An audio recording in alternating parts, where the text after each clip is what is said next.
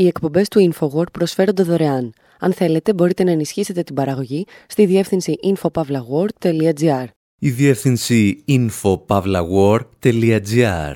Η εκπομπή InfoWord με τον Άρη Χατζηστεφάνου.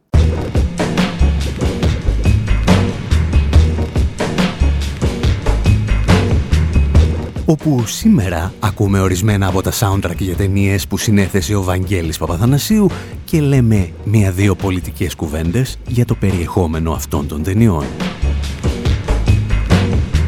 Παρακολουθούμε γενοκτόνους να φτάνουν στις ακτές της Αμερικανικής Υπήρου και Αμερικανούς δημοσιογράφους να χάνονται κάπου στη Χιλή.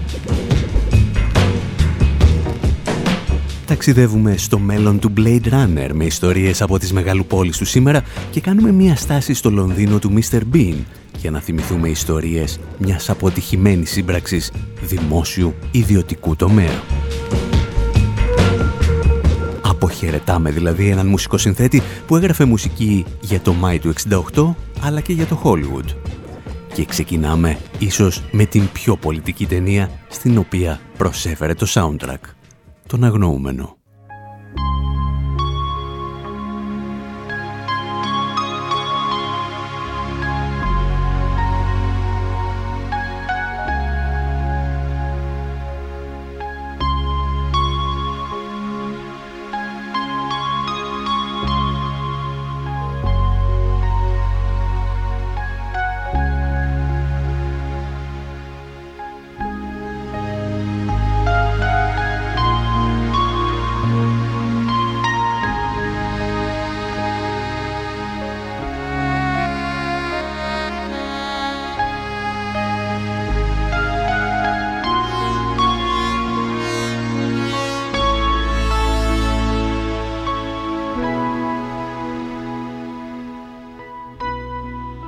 Η μουσική που ακούμε είναι το βασικό θέμα της ταινίας «Ο Αγνοούμενος» του Κώστα Γαβρά, που κυκλοφόρησε το 1982.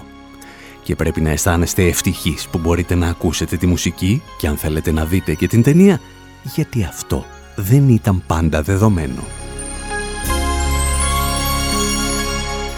Στα χρόνια της δικτατορίας του Πινοσέτ απαγορευόταν να τη δεις στη Χιλή. Στα χρόνια της δημοκρατίας του Ρόναλντ Ρίγκαν δεν μπορούσες να τη δεις στις Ηνωμένες Πολιτείες. Για την ακρίβεια, δεν μπορούσες να διαβάσεις ούτε το βιβλίο στο οποίο στηρίχθηκε η ταινία, με τίτλο «Η εκτέλεση του Charles Χόρμαν».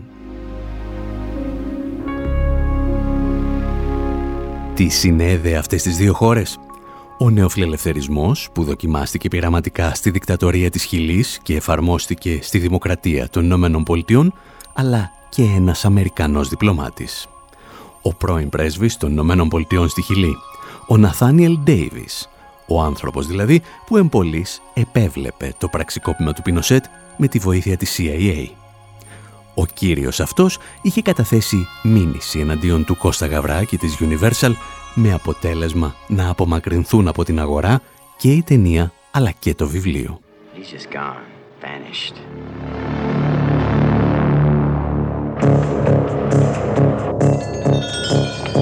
After analyzing all the data, we still come to the conclusion that he must be in hiding. You know damn well he's not in hiding. Our whole neighborhood saw him picked up by a goon squad. I don't want to hear any of your anti-establishment paranoia. Why don't you just go home? I'll find my husband by myself. Where is he? He's in the north. He should be out of the country sometime next week. There's another theory that your son was picked up by leftists posing as soldiers. There are even people who think it may have been his idea to make it look like they're arresting Americans. They are arresting Americans. What stupid thing did Charles do? He was a bit of a snoop. Your son's a pretty popular guy around here. Ο αγνοούμενος περιγράφει την αληθινή ιστορία του Αμερικανού δημοσιογράφου Charles Horman, ο οποίος εξαφανίστηκε λίγες ημέρες μετά το πραξικόπημα του Πινοσέτ την 11η Σεπτεμβρίου του 1973. Τα έλεγε όμως πολύ καλύτερα ο Κώστας Γαβράς, μιλώντας πριν από μερικά χρόνια στο Democracy Now! και την Amy Goodman. The story of missing is a young American who goes to Chile the period of Allende. And when he gets there the same day, again has decided to give one liter of, of milk. Η ιστορία του αγνοούμενου αφορά ένα νεαρό Αμερικανό που πάει στη Χιλή την περίοδο του Αλιέντε. Την ημέρα που φτάνει, ο Αλιέντε αποφασίζει να δώσει ένα λίτρο γάλα σε κάθε φτωχό παιδί. Οπότε αυτός ο νεαρός ρομαντικός Αμερικανός σκέφτεται αυτό είναι ένα εξαιρετικό σύστημα και αποφασίζει να μείνει. Μένει και εργάζεται σε διάφορες δουλειές. Είναι λίγο κινηματογραφιστής και λίγο δημοσιογράφος.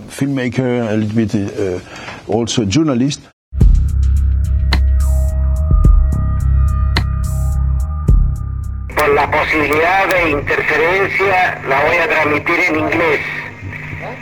They say that Allende committed suicide and is dead now.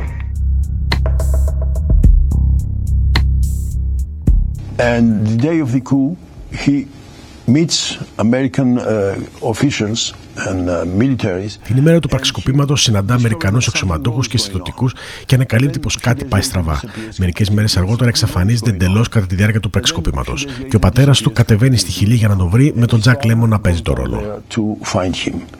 And Jack Lemmon played the part. Nixon now, Nixon now.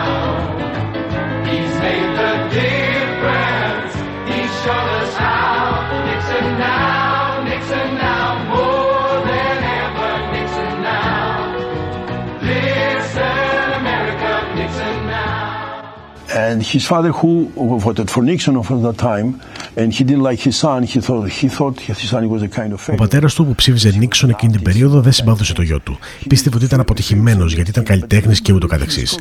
Ήταν εξοργισμένος μαζί του. Όμως, σιγά-σιγά ανακαλύπτει ότι ο γιος του ήταν καλός άνθρωπος και αυτό που έκανε οι ΗΠΑ στη Χιλή ήταν πολύ κακό.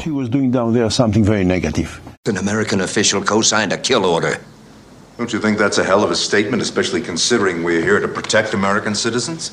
Why would we want him dead? Probably because he knew of our involvement in the coup. We're not involved, Mr. Horman. Our position has been completely neutral. That is a bald-faced lie. sir. How can you say a thing like that when you have army colonels, you have naval engineers, they're all over Villa del Mar? Please, sit down. Ο Τζακ Λέμον, λοιπόν, που όπως είδαμε υποδίεται τον πατέρα του αγνοούμενου Αμερικανού δημοσιογράφου, μπαίνει στην Αμερικανική πρεσβεία στο Σαντιάγκο της Χιλής και ουσιαστικά κατηγορεί τον πρέσβη ότι συμμετείχε στην εκτέλεση του γιού του.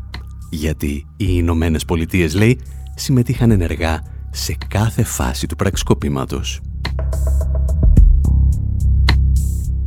Ο Αμερικανός πρέσβης από την πλευρά του, αν και τυπικά δηλώνει ότι δεν γνωρίζει που βρίσκεται ο γιος του, του εξηγεί ότι υπάρχουν πολύ σημαντικότερα ζητήματα από τη ζωή ενός δημοσιογράφου και μερικών δεκάδων χιλιάδων χιλιανών που εκτελέστηκαν. Όπως, παραδείγματος χάρη, τα συμφέροντα των Αμερικανικών εταιριών στη Χιλή. This mission is pledged to protect American interests, our interests. There are over 3,000 U.S. firms. Αυτή η διπλωματική αποστολή έχει ως στόχο την προστασία των Αμερικανικών συμφερόντων, των δικών μας συμφερόντων. Υπάρχουν περισσότερες από 3.000 Αμερικανικές εταιρείες που δραστηριοποιούνται εδώ κάτω. Και αυτές είναι το συμφέρον των ΗΠΑ. Συνεπώς είναι και τα δικά μας συμφέροντα. Αυτό που με απασχολεί είναι πώς να διατηρήσουμε ένα συγκεκριμένο τρόπο ζωής.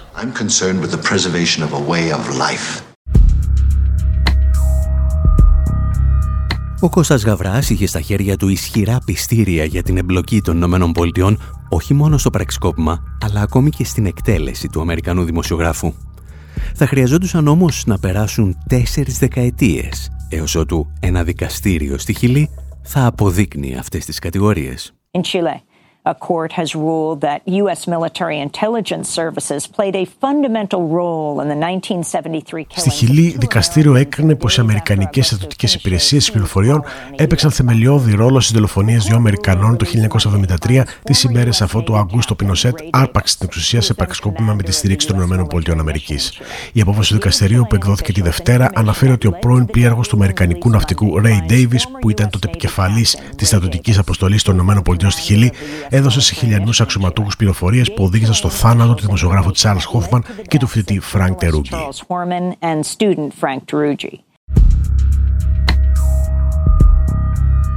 Ιστορίες που διηγήθηκε ο Κώστας Γαβράς και για τις οποίες έγραψε μουσική ο Βαγγέλης. Και με τα μουσικά έργα και τις ημέρες του τελευταίου συνεχίζουμε την εκπομπή μας.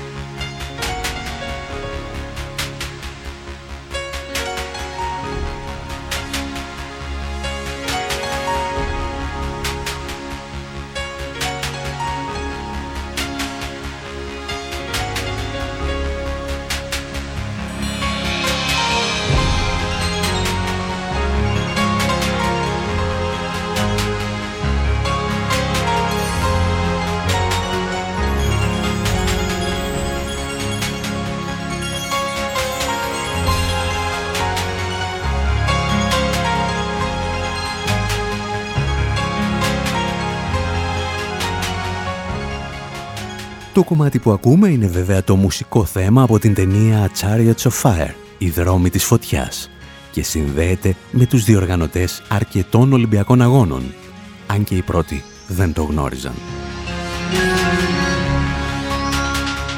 Η ταινία αφορά τους Ολυμπιακούς Αγώνες του 1924 στο Παρίσι, οι οποίοι είχαν πολλές πρωτιές, αλλά έμειναν στην ιστορία για αυτά στα οποία ήρθαν τελευταίοι. Ήταν οι τελευταίοι αγώνες τους οποίους διοργάνωσε ο Πιέρ Ντε Κουπερτέν, ο πατέρας των σύγχρονων Ολυμπιακών Αγώνων. Ήταν οι πρώτοι αγώνες που αναμεταδόθηκαν σε απευθείας ραδιοφωνική σύνδεση, ανοίγοντας και νέους δρόμους στην εμπορευματοποίηση της διοργάνωσης. Κατά τα λοιπά και σε ό,τι αφορά το κόστος διοργάνωσης, ήταν μία από τα ίδια. Οι Γάλλοι φορολογούμενοι πλήρωσαν τότε περίπου 10 εκατομμύρια φράγκα, ενώ τα ταμεία έφεραν πίσω μόλις 5.496.610 φράγκα.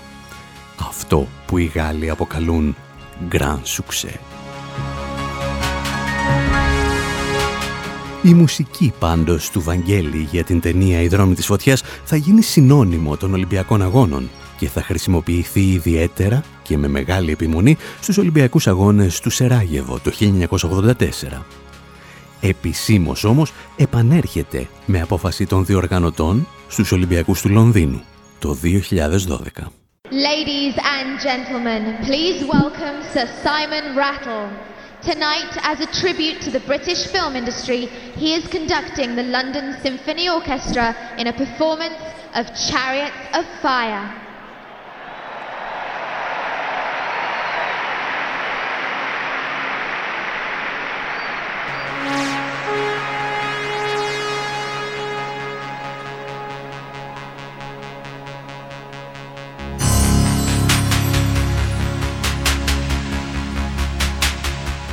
Οι περισσότεροι ίσως να θυμούνται εκείνη τη μουσική βραδιά από την παρουσία του Mr. Bean που έπαιζε στο αρμόνιο.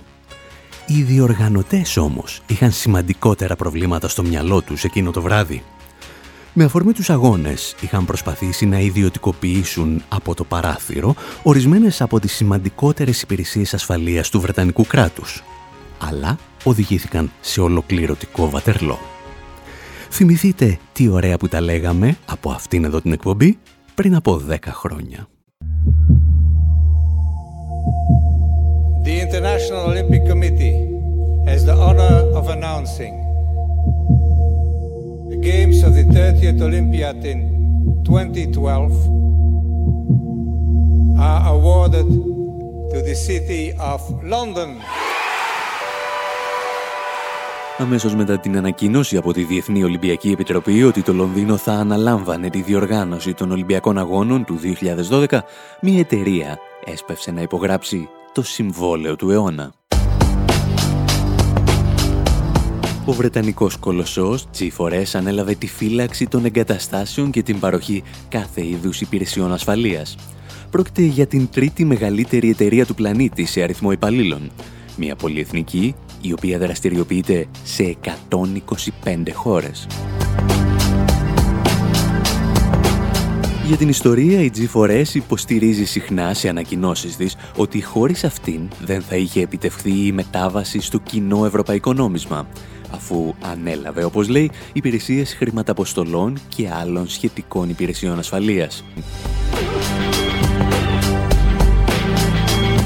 Σε ό,τι μας αφορά σήμερα όμως, η G4S είχε ορισμένα άλλα σημαντικά προβλήματα για τα οποία πολλοί έλεγαν ότι δεν έπρεπε να αναλάβει τη φύλαξη των Ολυμπιακών εγκαταστάσεων. UK politicians are said to be questioned on why a security firm linked to allegations of human rights abuses. Βρετανοί πολιτικοί θέτουν το ερώτημα γιατί μια εταιρεία που κατηγορείται για παραβιάσεις των ανθρωπίνων δικαιωμάτων προσελήφθη για να προσφέρει ασφάλεια στους Ολυμπιακούς Αγώνες. Η G4S λειτουργεί στους εβραϊκούς επικισμούς στην Δυτική Όχθη και την Ανατολική Ιερουσαλήμ, οι οποίοι είναι παράνομοι βάσει του διεθνούς δικαίου. Illegal according to international law. Φυσικά δεν είναι η πρώτη φορά που εταιρείες που κατηγορούνται για καταπάτηση ανθρωπίνων δικαιωμάτων σε κάθε γωνιά του πλανήτη αναλαμβάνουν τη φύλαξη των Ολυμπιακών εγκαταστάσεων.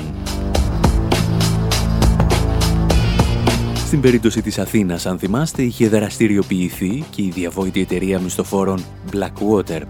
Είναι η εταιρεία που κατηγορείται ότι δρά σαν παρακρατικός μηχανισμός του Πενταγώνου, πραγματοποιώντας μεταξύ άλλων δολοφονίες και βασανισμούς κρατουμένων. Η G4S όμως θέλησε να μιμηθεί την Blackwater και με έναν άλλο τρόπο. Πίστεψε ότι έχει έρθει η ώρα για την ιδιωτικοποίηση των Βρετανικών αρχών ασφαλείας. Τα εξηγούσε και πάλι ο Τόνι Γκόσλινγκ, μιλώντας στο Russia Today. This is basically the privatization of the British police force is being sucked in by G4S. Αυτό που πραγματικά συνέβη ήταν η δυτικοποίηση της Βρετανικής αστυνομίας. Ουσιαστικά η G4S κατάπια την αστυνομία. Άρχισαν να λειτουργούν αστυνομικά τμήματα και να αναλαμβάνουν άλλες υπηρεσίες που άνοιγαν στην αστυνομία. Σε περιοχές όπως το Μπέρνιχαμ ήθελαν να ελέγχουν ακόμη και τα κέντρα κράτησης μέσα στα αστυνομικά τμήματα. Αυτή είναι από μόνη της μια επικίνδυνη ιδέα, αλλά η συγκεκριμένη είναι χειρότερη που θα μπορούσε να επιλέξει για τη συγκεκριμένη δουλειά. You could pick anywhere in the world to do this job.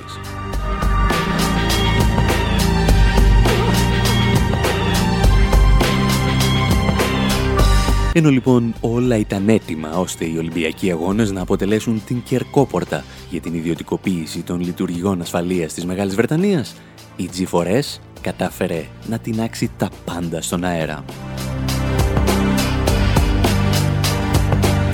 Η ιδιωτική εταιρεία ανακοίνωσε ότι δεν είναι τελικά σε θέση να προσφέρει τις υπηρεσίες που υποσχέθηκε στο Βρετανικό κράτος. Για άλλη μια φορά, ο ιδιωτικός τομέας ανακοίνωνε ότι χωρίς τις τεράστιες επενδύσεις του δημόσιου τομέα δεν μπορεί να κάνει απολύτως τίποτα. Και έτσι, το Βρετανικό κράτος αποφάσισε να κάνει αυτό που ξέρει καλύτερα σε περίοδους έντασης. Κάλεσε τις ένοπλες δυνάμεις να επιβάλλουν την τάξη. Το Υπουργείο Άμυνας επιστράτευσε τουλάχιστον 3.500 στρατιώτες, από τους οποίους ένας στους τρεις επέστρεφαν από αποστολές στο Αφγανιστάν.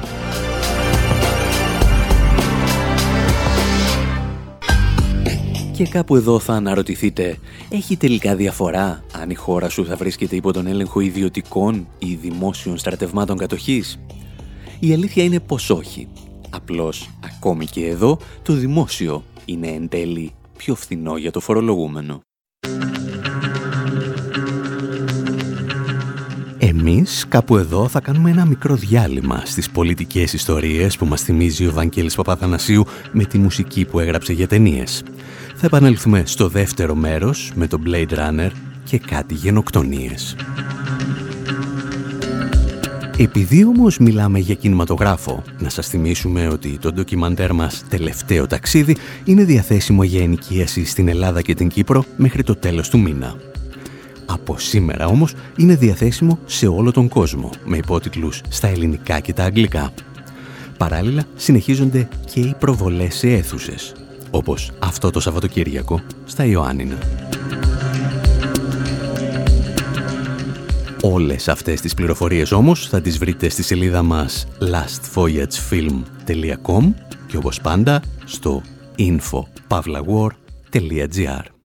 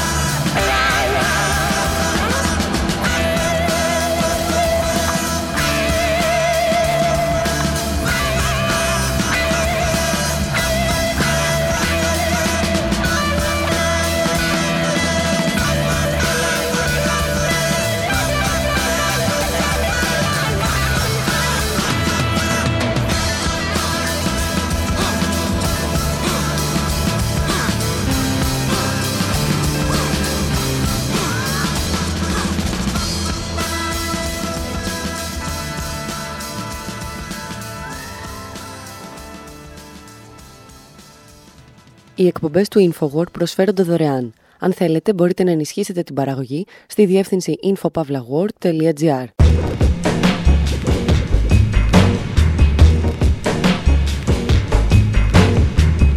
Εκπομπή InfoWord, μέρος δεύτερο. Όπου σήμερα αποχαιρετούμε τον Βαγγέλη Παπαθανασίου, χωρίς πολλά λόγια για αυτόν, αλλά με πολλές σκόρπιες σκέψεις για τις ταινίες στις οποίες ακούσαμε τις μουσικές του.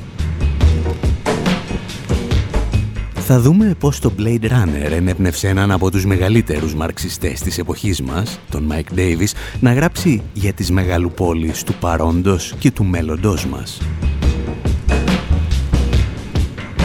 Και ύστερα θα παρακολουθήσουμε τη μεγαλύτερη γενοκτονία στην ιστορία της ανθρωπότητας, η οποία ξεκίνησε το 1492.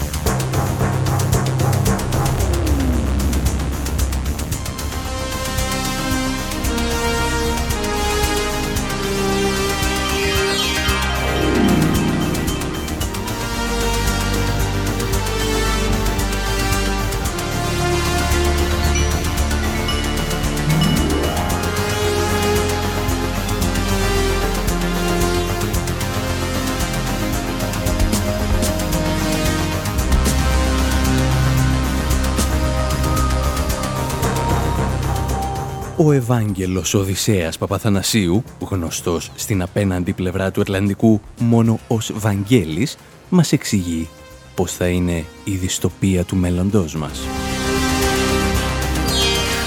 Είναι η μουσική από την ταινία Blade Runner, εκείνη την παραγωγή του 1982 που εμπνεύστηκε από το βιβλίο του Philip K. Dick με τίτλο «Ονειρεύονται τα ανδροειδή ηλεκτρικά πρόβατα». Επειδή το να σας εξηγήσουμε τι εννοούσε ο ποιητής και τι δουλειά έχουμε εμείς με τα ηλεκτρικά πρόβατα θα μας φάει ολόκληρη την εκπομπή, θα μείνουμε στο στοιχείο της ταινίας που μας ενδιαφέρει. Και αυτό είναι η πόλη του μέλλοντος. Το Blade Runner, αν θυμάστε, διαδραματίζεται στο Los Angeles του 2019. Μια εποχή στην οποία οι έχοντες και κατέχοντες ζουν σε αυτόνομους θύλακες οι οποίοι υπερίπτανται της γης ή σε άλλους πλανήτες. Τα εξηγούσε όμως πολύ καλύτερα ο Μάικ Ντέιβις, ίσως ο πιο συναρπαστικός μαρξιστής συγγραφέας της εποχής μας. Philip K. Dick's from Blade Runner, wherever the off-worlds are floating around and uh, gated communities floating around as satellites of the Earth or, or on other planets, ο Φίλιπ Ντίκ χρησιμοποίησε τον όρο διαστημικές απικίες, τον οποίο συναντάμε και στην ταινία Blade Runner. Πρόκειται για απομονωμένες κοινότητες που υπερίπτανται της γης ή βρίσκονται σε άλλους πλανήτες, ενώ ο υπόλοιπος πληθυσμός ζει σε μεγαλοπόλεις που θυμίζουν τις ιστορίες του Καρόλου Ντίκεν. Το θέμα δεν είναι απλώς ότι ορισμένοι άνθρωποι επιθυμούν ασφάλεια και ένα χώρο για να απολαμβάνουν το εξωφρενικό καταναλωτισμό τους. Στην πραγματικότητα, συνδέοντας αυτές τις απικίες, δημιουργούν ένα νέο πλανήτη που μπορείς να πετάς από τη μία απικία στην άλλη. Είναι σαν τα αεροδρόμια που είναι όλα ίδια ίδια μεταξύ τους γιατί ακολουθούν το ίδιο μοντέλο λειτουργίας και οργάνωσης. Οι κάτοικοι αυτών των απικιών έχουν ελάχιστη επαφή με τα εργατικά στρώματα, με τους φτωχούς και τους μετανάστες, εκτός από τις περιπτώσεις που χρειάζονται τις υπηρεσίες τους σε προσωπικό επίπεδο.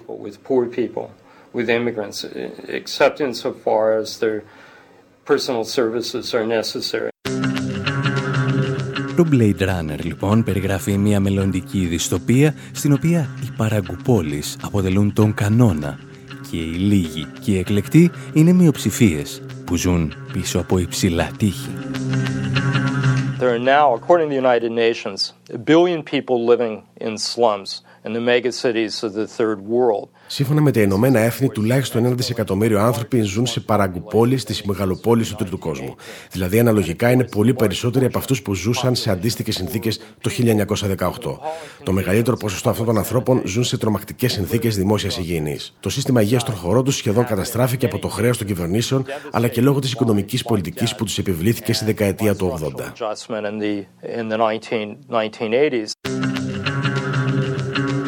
Η νεοφιλελεύθερη πολιτική της δεκαετίας του 80 λοιπόν έστειλε αναλογικά περισσότερους ανθρώπους σε παραγκουπόλεις από όσους ζούσαν εκεί πριν από έναν αιώνα. Cities in the third world had grown at velocities far exceeding that uh, seen in the 19th century. China alone. Οι πόλεις του τρίτου κόσμου προσελκύουν πληθυσμό με πολύ ταχύτερους ρυθμούς από αυτούς που είδαμε το 19ο αιώνα. Μόνο η Κίνα τη δεκαετία του 80 έφερε στις πόλεις περισσότερους ανθρώπους από όσους είχαν φέρει όλες οι χώρες της Ευρώπης και η Ρωσία σε ολόκληρο το 19ο αιώνα.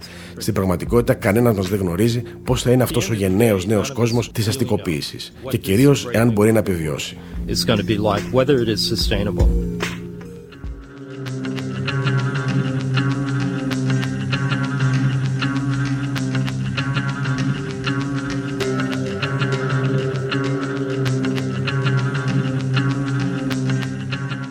Συνήθως οι περισσότεροι ασχολούνται με το πώς θα εξαλείψουμε τις παραγκουπόλεις, πώς θα διώξουμε τους κολασμένους στις φαβέλες, τους μετανάστες από τα παρισινά προάστια και τους ανέγγιχτους από το κέντρο της Βομβάης. Ο Μάικ Ντέιβις όμως έχει ελαφρώς διαφορετική προσέγγιση στα πράγματα. Για να το καταφέρουμε, λέει, δεν πρέπει να διαλύσουμε τις φαβέλες, πρέπει να διαλύσουμε τους θύλακες ευημερίας. You know, we should sabotage these kind of places. You know, if they have zero tolerance for Πρέπει να σαμποτάρουμε αυτές τις περιοχές. Εάν αυτοί δείχνουν μηδενική ανοχή για τους μετανάστες και τους άστεγους, εμείς πρέπει να δείχνουμε μηδενική ανοχή για αυτούς τους θύλακες ευημερία της αστικής τάξης. Ακόμα και σε συμβολικό επίπεδο, πρέπει να γκρεμίσουμε τα τείχη που χτίζουν γύρω από τις απικίες τους. Είχα πει κάποτε σε μια ομάδα νεαρών ότι θα πρέπει να σαμποτάρουν λόγω χάρη τι κάμερε παρακολούθησης και ύστερα σκεφτόμουν μήπως είμαι πολιτικά ανεύθυνος. Αλλά η απάντηση είναι όχι. Η γενιά της δεκαετίας του 60, όπως τη γνωρίσαμε στα πανεπιστήμια αλλά και έξω από αυτά, εντάχθηκε στην κοινωνία μέσω αυτής της αντικαθιστατικής συμπεριφοράς. Μπορεί να μην είχε συγκεκριμένους στόχους, αλλά στηριζόταν σε δημοκρατία και την ισότητα και ουσιαστικά λαιλάτισε τα προνόμια των πλουσίων.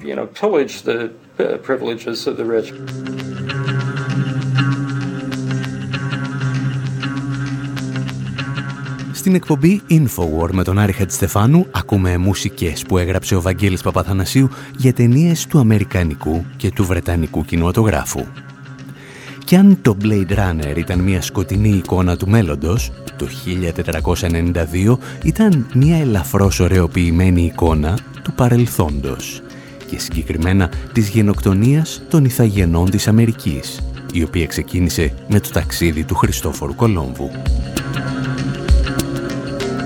πολύ πριν αρχίσουν να ανατρέπουν τα αγάλματα του Κολόμβου μετά το Black Lives Matter και συγκεκριμένα 500 χρόνια από το πρώτο ταξίδι του Κολόμβου, ο Ridley Scott είπε τη δική του ιστορία. Και εμείς είμαστε εδώ για να τη διορθώσουμε.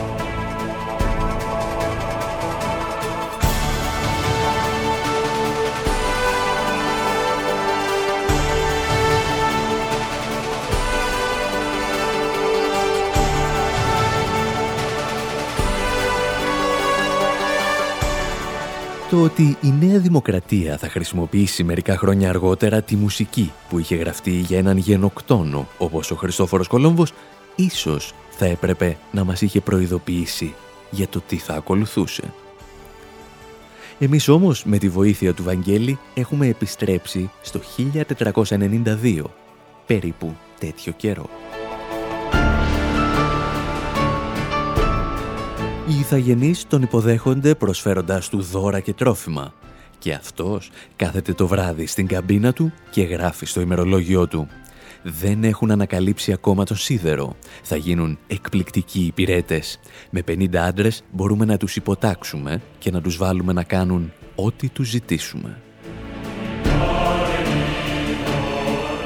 Ήταν η αρχή μιας όχι και τόσο ισότιμης σχέσης. Οι άνδρες του Κολόμβου θα σκοτώσουν τελικά τουλάχιστον 100.000 Ινδιάνους μόνο στην Αϊτή. Σε οικονομικό επίπεδο, τα κέρδη από την εκμετάλλευση των Ινδιάνων και των πρώτων υλών της Αμερικής βοήθησαν την Ευρώπη να περάσει από την φεουδαρχία στη νέα οικονομία του καπιταλισμού. Ο τρόπος με τον οποίο επιτεύχθηκε αυτό ονομάζεται από ορισμένους πρωταρχική συσσόρευση κεφαλαίου. Κάποιοι άλλοι το λένε απλώς γενοκτονία. Μια γενοκτονία η οποία ξεκίνησε το 1492 και ολοκληρώθηκε το 1900 μια γενοκτονία για την οποία θα τραγουδήσουν αργότερα και οι Iron Maiden.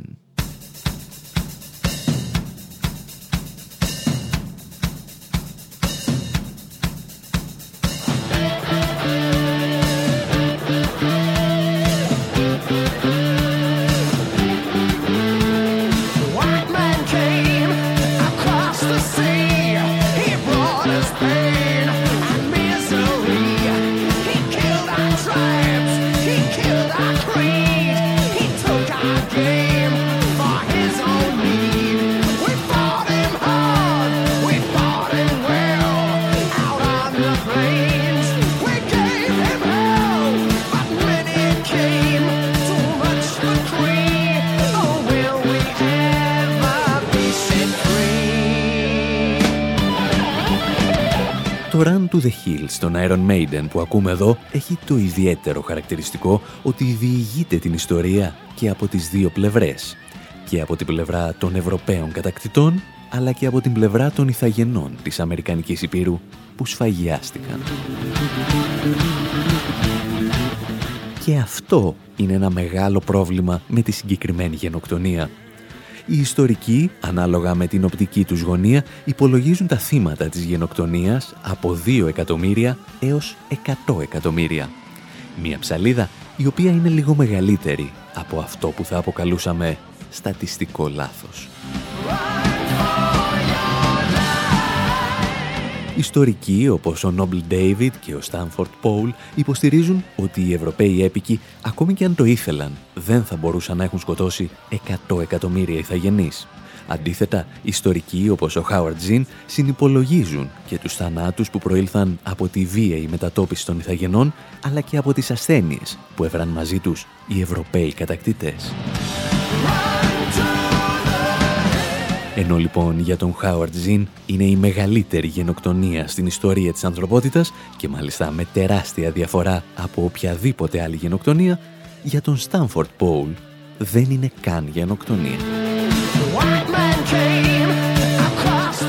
Εδώ όμως αρχίζουν και ορισμένα άλλα ενδιαφέροντα προβλήματα. Γιατί αρκετοί από όσους αμφισβητούν το σκεπτικό του Χάουαρτ Ζιν δεν έχουν κανένα πρόβλημα να αποκαλέσουν γενοκτονία το λοιμό της Ουκρανίας. Και αυτό γιατί σύμφωνα με τις δικές τους μελέτες για αυτόν τον λοιμό ευθύνονταν η Σοβιετική Ένωση.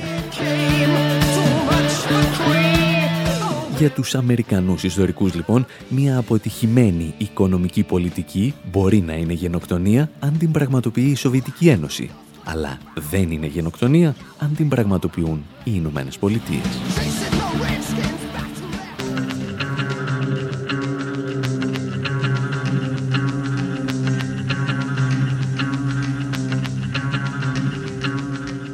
Κάπου εδώ όμως θα σας αφήσουμε και για αυτή την εβδομάδα.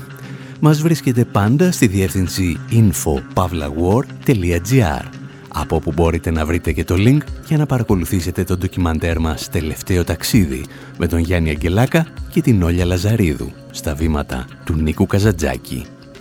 Πλέον διαθέσιμο όχι μόνο στην Ελλάδα και την Κύπρο, αλλά σε όλο τον κόσμο.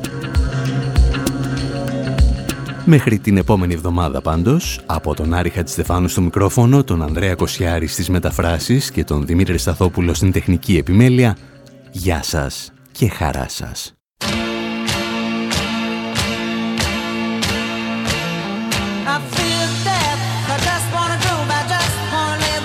so much to give.